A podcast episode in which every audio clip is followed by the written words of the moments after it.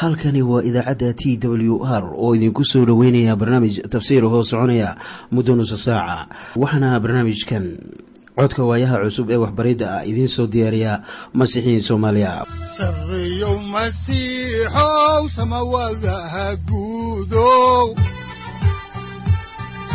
Siraadkii adduunkow subanaha eebow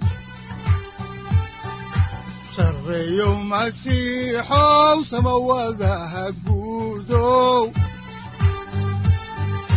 siraadkii adduunkow subanaha eebow adigoo samada jiro ifkaan soo saldhiganba adigoo samada jiro ifkaan soo saldhiganba kutubtiisanaye udanogu saaciiday sharxin sifahaaga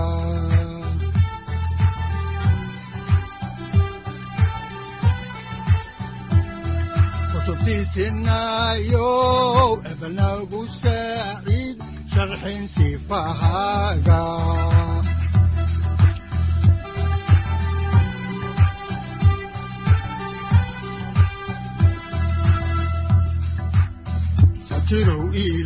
ku soo dhowaada dhegaystayaal barnaamijkeenna dhammaantiinba. Waxaan horay u sii ambaqaadi doonnaa daraasaadkii la magac baxay baibalka dhammaantii. Waxaannu caawa idiin sii wadi doonnaa injiilka sida yooxanaa uu u qoray cutubka koowaad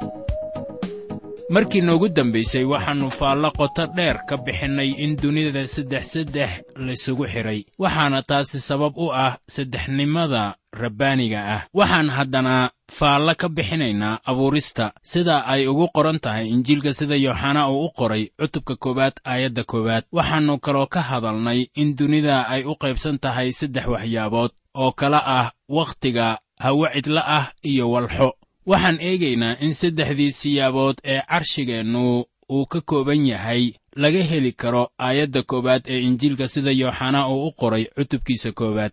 Maxaa laga qoray wakhtiga? Waxaa qoran bilowgii waxaa jiray hadalka. Hadalkuna wuxuu la jiray ilaah. Halkan waxaa looga hadlay wakhtiga oo waxaa qoran bilowgii waxaa jiray hadalka. Aan ka hadalno hawada oo noqonaysa dunida waxaa qoran hadalkuna jir buu noqday oo waa ina dhex joogay. Halkee buu joogay? Wuxuu yimid beytlaxam oo ah magaalo yar. Iyadoo weliba dhulkan oo dhan uu ku yar yahay marka la eego awooddiisa wuuna ina dhex joogay. Waxaa kaloo qoran waxaynu aragnay ammaantiisii isagoo nimco iyo run ka buuxa. Bal aynu haddana eegno walxada. Waxaa qoran ninna ilaah ma arkin marnaba. Wiilka keliya oo laabta aabbaha ku jira kaasaa inoo sheegay.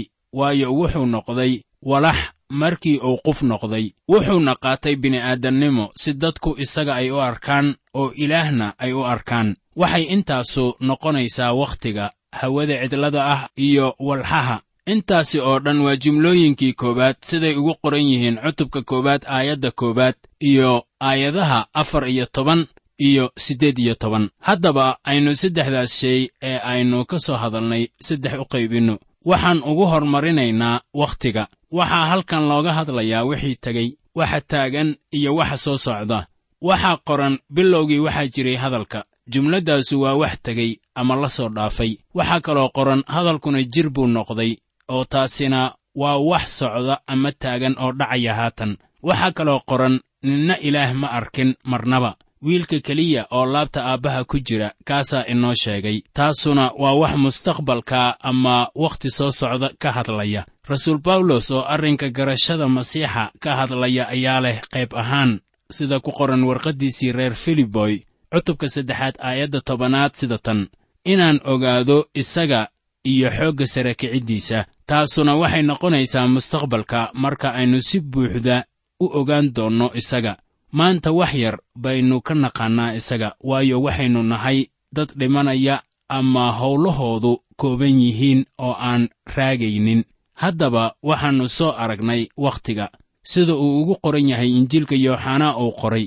Haatanna waxaannu eegaynaa hawada cidlada ah ama dunida oo aan saddex qaybood u kala bixinayno.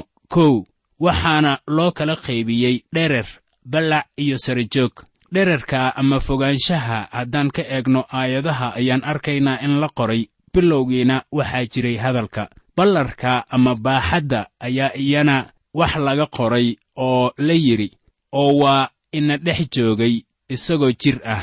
Sarajooggana wax baa laga qoray oo waxaa qoran ninna ilaah ma arkin marnaba. Wiilka keliya oo laabta aabbaha ku jira kaasaa inoo sheegay. Haddaba yaa ku jira laabta aabbaha wuxuu aabbuhu ka soo diray wiilka xagga sare si uu inoo hor yimaado. Iminkana aynu eegno walxada inta ay ka kooban tahay. Waxay ka kooban tahay tamar dhaqdhaqaaqa iyo namuunno tamar ayaa looga hadlay halkan marka la leeyahay bilowgii waxaa jiray hadalka. Hadalkuna wuxuu la jiray ilaah.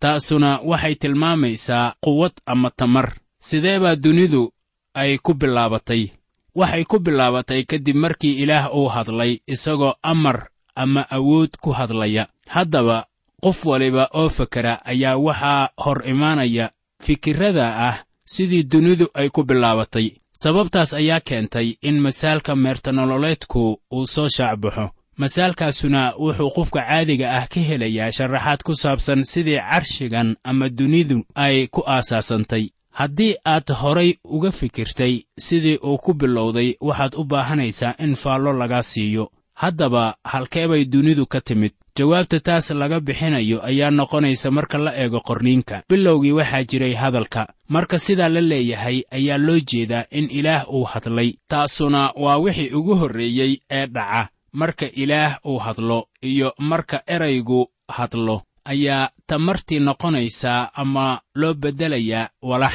Waa maxay dabeecadda atomka waa walax loo rogay tamar. Isla markaaba walxadii way baaba'aysaa. Haddaba abuuristu waxay ku bilaabantay tamar. Markaan eegno hadallada qoran ee leh bilowgii waxaa jiray hadalka. Hadalkuna wuxuu la jiray ilaah. Hadalkuna wuxuu ahaa ilaah. Waxaan filayaa inaad taas hagaag u garateen haatanna waxaannu eegaynaa dhaqdhaqaaqa. Waxaana qoran hadalkuna wuxuu noqday jir.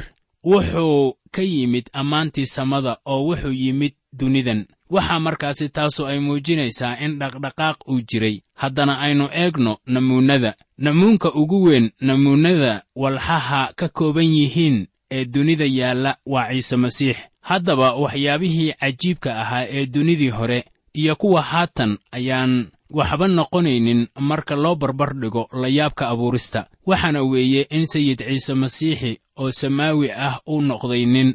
Haddaba jumlooyinkaas waa kuwo inaga weyn innaga waana kuwo sahlan. Waynu akhrinnay oo sida abbaarta ahna waannu xafidnaa. Welibana ma jiro nin macaaniga hoose garanaya.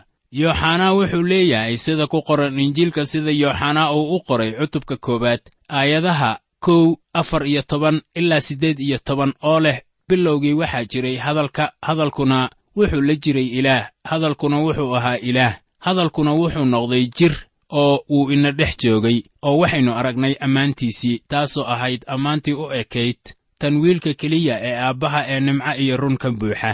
Ninna ma arkin ilaah marnaba wiilka keliya oo laabta aabbaha ku jira kaasaa inoo sheegay. Saddexdaas aayadood ee aynu soo xigannay ayaa noqonaya dhagaxda qoran ee dhismaha. Haatanna aynu eegno wixii isku qaban lahaa dhagaxdaas. Waxaanan eegaynaa haatan injiilka sida yooxanaa uu u qoray cutubka koowaad aayadda saddexaad waxaana qoran sida tan. Wax walba waxaa laga sameeyey xaggiisa oo wixii la sameeyey lama samayn isaga la'aantiis. Sayid ciise masiix waa midka wax kasta ay ka abuurmeen.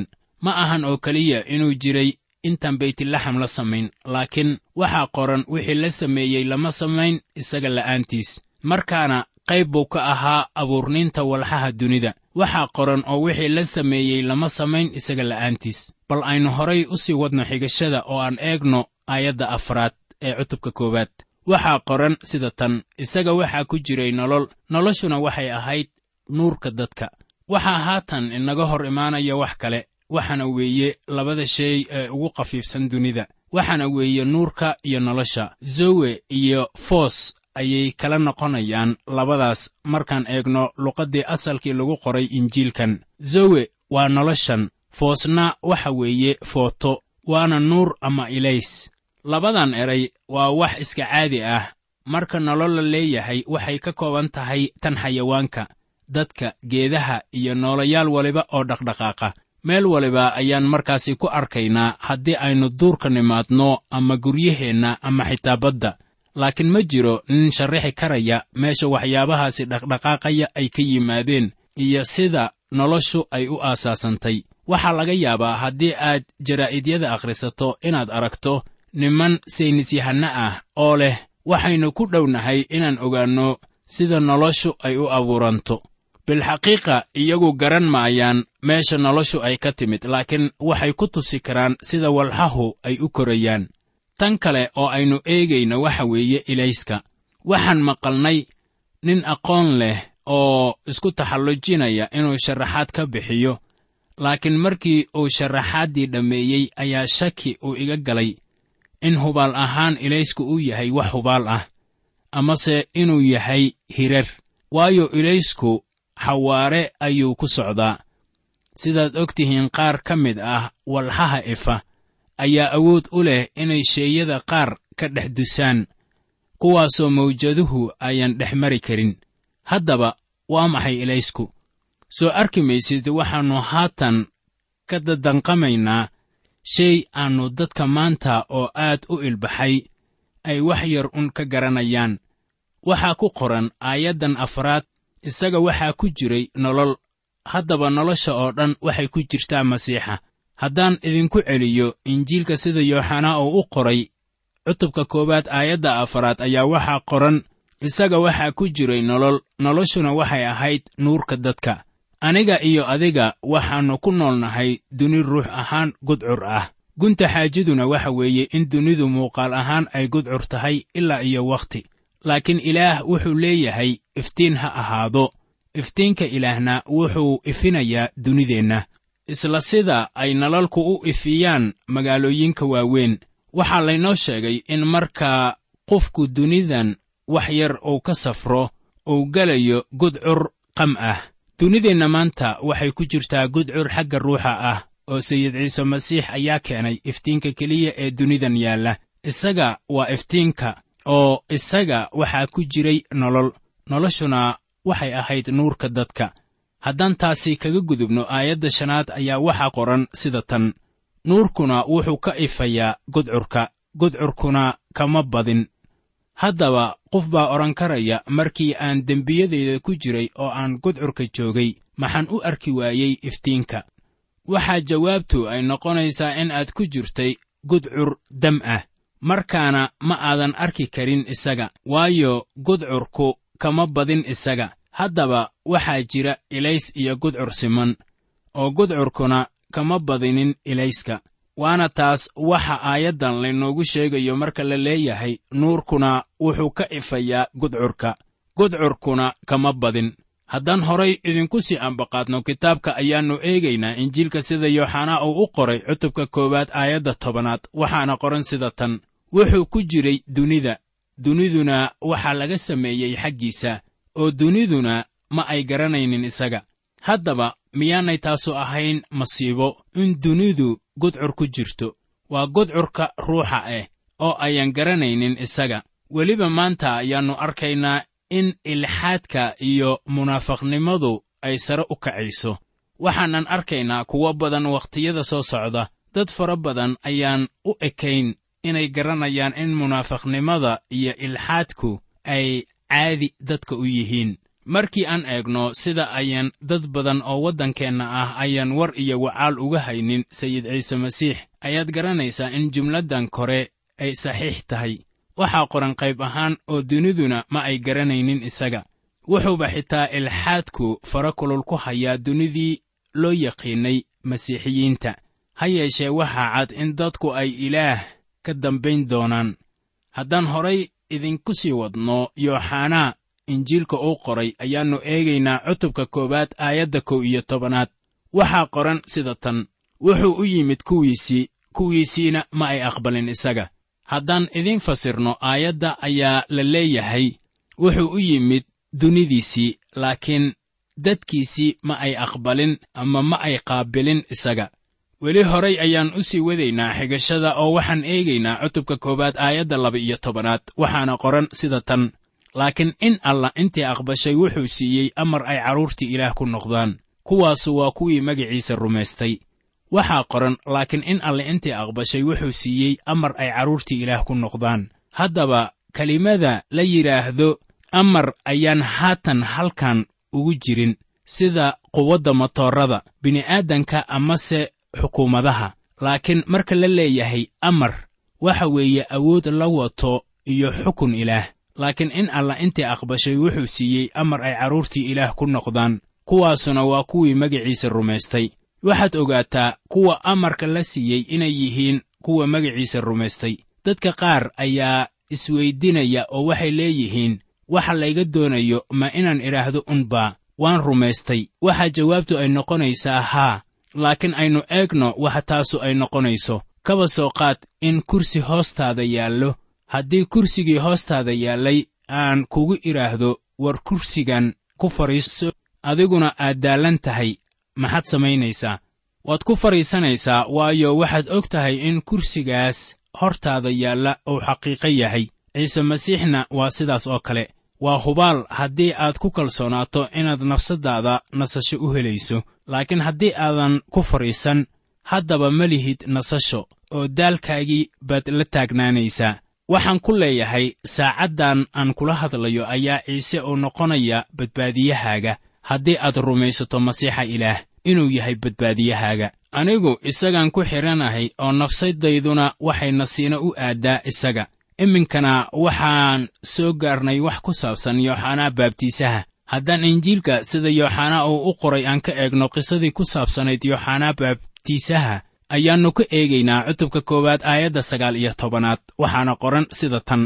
Kanu waa maraggii yooxanaa furay markii uu yuhuuddu yeruusaalem ay ugu soo direen wadaaddo iyo kuwa reer laawi ah inay weyddiiyaan oo ay ku yidhaahdaan yaa tahay. Haddaba kanu waa dhacdadii ugu horraysay ee yooxanaa baabtiisaha taasoo uu yooxanaa oo ah rasuulka uu inagu siinayo qorniinka injiilka. Ina siin maayo qiso ku saabsan bilowgii ninkan. Waxaannu dhalashadii yooxanaa baabtiisaha ku arkaynay injiilka sida luukos uu u qoray.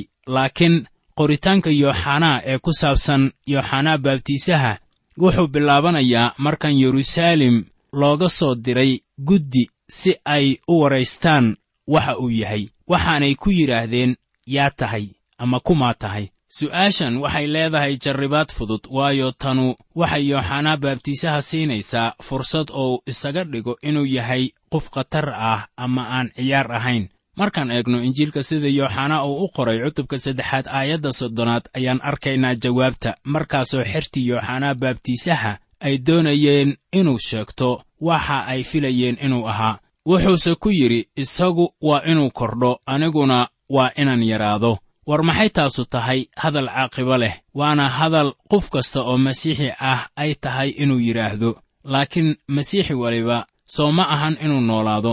Wuxuu yidhi waa inuu kordho laakiin anigu waa inaan yaraado. Saaxib labadoodu sare ma wada joogayaan. Masiixa ayaa aasaasi u ah noloshaada oo wuxuu leeyahay halka hore ee noloshaada amase waxaad odhanaysaa haddii aad nafsaddaada uun ka fekerayso aniguna sare ayaan joogayaa. Haddaba sidaas ku ahaan mayso oo waxay noqonaysaa inaad tidhaahdo isaga waa inuu kordho aniguna waa inaan yaraado.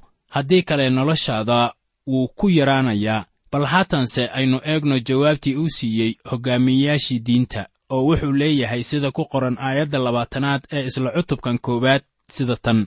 Isagu waa qirtay mana uu inkirin oo wuxuu qirtay oo yidhi anigu ma ahi masiixa soo arki maysid inay si xeeladaysan ugu yimaadeen ayay ku yidhaahdeen ma waxaad tahay masiixa? Meesha waxaa ka muuqda inay sugayeen ama lahaayeen rajo ama filasho imaanshaha masiixa laakiin wuu u caddeeyey inaannu ahayn masiixa. Waxay u yimaadeen nin aan masiixa ahayn ninkanuna ma ahayn masiixa haddaba muxuu noqonayaa haddaan horay idinku sii wadno xigashada injiilkan sida yooxanaa uu u qoray ayaannu eegaynaa wixii ay taasi ka yidhaahdeen. Sida ku qoran aayadda kow iyo labaatanaad waxaa qoran sida tan. Markaasay weyddiiyeen haddaba yaa tahay ma eliyaas baa tahay? Wuxuuna yidhi ma ahi ma nebigii baa tahay? Wuxuuna ku jawaabay maya. Soo arki maysid sida uu ugu soo koobayo waxaana hubaal ah in yooxanaa haatan halkan uu joogo. Jawaabtiisu way kooban tahay oo marba marka ka dambaysa way sii koobnaanayaan. Markaasoo ay culimmaduna wax sii weydinayaan haddaannu masiixa ahayn waa qasab inuu eliyaas yahay. Haddaannu eliyaas ahaynna waa qasab inuu yahay nebigaas la midka ah muuse oo loogu ballanqaaday sharciga ku noqoshadiisa cutubka siddeed iyo tobanaad aayadda shan iyo tobanaad. Yooxanaa si cad buu u leeyahay maya oo wuxuu leeyahay isagu ma ahan nebigii lagu sheegay kitaabkii shanaad ee muuse oo loo yaqaanno sharciga ku noqoshadiisa. Haddaba haddaan horay idinku sii wadno injiilkan sida yooxanaa uu u qoray ayaa waxaa ku qoran aayadda laba iyo labaatanaad sida tan. Waxay haddaba ku yidhaahdeen yaa tahay si aannu jawaab ugu celinno kuwii na soo diray yaad isku sheegaysaa waxay ku adkaysteen inuu u sheego kan uu yahay. Ma ahan inay dib ugu noqdaan kuwii soo diray iyagoo aan war buuxa wadin. Markaasaa yooxanaa uu u sheegay kan uu ahaa. Haddaan horay idinku sii wadno injiilka ayaa waxaa ku qoran aayadda saddex iyo labaatanaad sida tan. Wuxuu yidhi waxaan ahay codka kan cidlada kaga qaylinaya jidka rabbiga toosiya. Siduu nebi isaayos u yidhi waxaad haddaba ogaataa inuu yahay codka soo arki maysid in ciise uu yahay hadalka. Yooxanaana waa codka. Yooxanaa baabtiisuhu wuxuu doonayey inuu noqdo codka. Wuxuu dadka u hayey farriin caaqibo leh waana farriin ka weyn waxa uu isagu ahaa. Markaan daacad u hadalno waa inaan ku qanacnaa wixii laynoo xil saaro. Waxaas aynu mas'uulka uga nahay masiixa ayaa ammaan weyn ay ku jirtaa farriintii yooxanaa waxay ahayd in dadku ay jidadkooda ku hor hagaajiyaan ilaah oo ay ka tagaan jidadka shayddaanka iyo inay hagaajiyaan waxyaabaha ka qaldan noloshooda. Haddii dadku ay sidaas yeelaan waxaa furmaya wehelnimadii ay ilaah la lahaayeen taasoo uu yooxanaa inoogu sheegay warqaddiisii koowaad cutubka koowaad aayadda lixaad. Waxaana qoran haddaynu nidhaahno wehelnimo ayaynu la wadaagnaa isaga oo aynu gudcurka ku soconno been baynu sheegnaa oo runta ma falno. Waxaan markaasi innaga u baahan nahay in noloshayadu ay toosnaato. Waxaanan ku toosin karaynaa haddii aynu dembiyadeenna qiranno sida laynagu barayo warqaddii koowaad ee rasuul yooxanaa cutubka koowaad aayadaha siddeed ilaa sagaal. Haddaba yooxanaa baabtiisaha wuxuu soo xiganayey nebi ishaaciyah. Sida ku qoran kitaabkii ishaaciyah cutubka afartanaad aayadda saddexaad haddaan horay idinku sii wadno injiilka sida yooxanaa uu u qoray cutubka koowaad aayadaha afar iyo labaatan ilaa shan iyo labaatan waxaa qoran sida tan. Kuwa la soo diray waxay u yimaadeen farrisiinta markaasay weyddiiyeen oo ay ku yidhaahdeen haddaba maxaad dadka u baabtiistaa haddaanad ahayn masiixa ama eliyas ama nebigii iminka ayaa farrisiintu waxay la yimaadeen arrin xirfadi ay ku dheehan tahay. Ka gadaal markii ay yidhaahdeen haddii aadan kuwaasi ahayn maxaad dadka u baabtiistaa jawaabtii yooxanaa baabtiisahana waxay ku qoran tahay cutubka koowaad aayadaha lix iyo labaatan ilaa toddoba iyo labaatan. Waxaana qoran sida tan. Yooxanaa wuxuu ugu jawaabay uu ku yidhi anigu waxaan dadka ku baabtiisaa biyo laakiin dhexdiinna waxaa jooga mid aydnaan garanaynin oo ah kan iga daba imaanaya kan aanan istaahilin inaan yeelmaha kabihiisa furo. Habeenka xiga ayaannu halkii ka sii wadi doonnaa qisada diiniga ah. Iminkana aynu ku soo dhowaanno qadar yar oo myuusig ah masiixow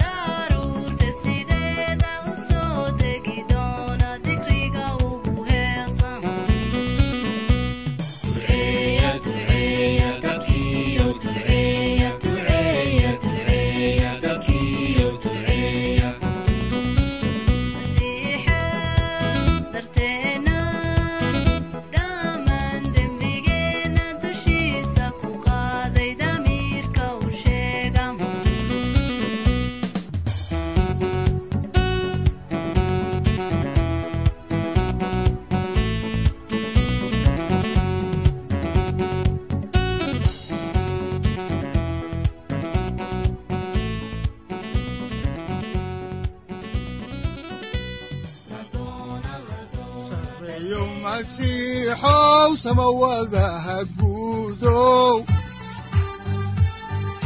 siraadkii adduunkow subanaha eebow adigoo samada jiro ifkan soo saldhiganba adigoo samada jiro ifkan soo saldhiganba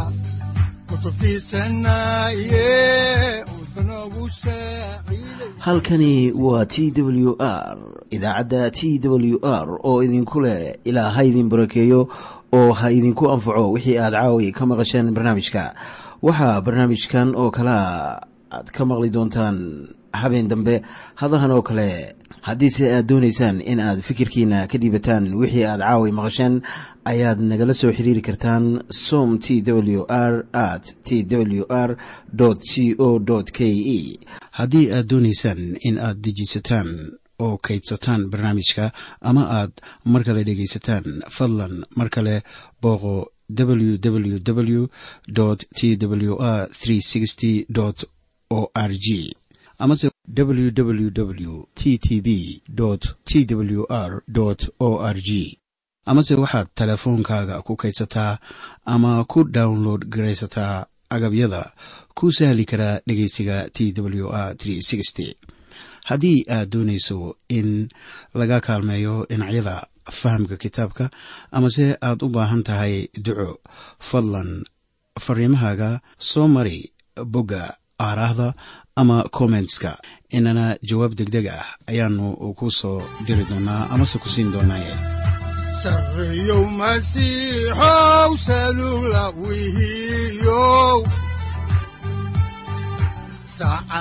timid dhulka sabada ku dhalatiyo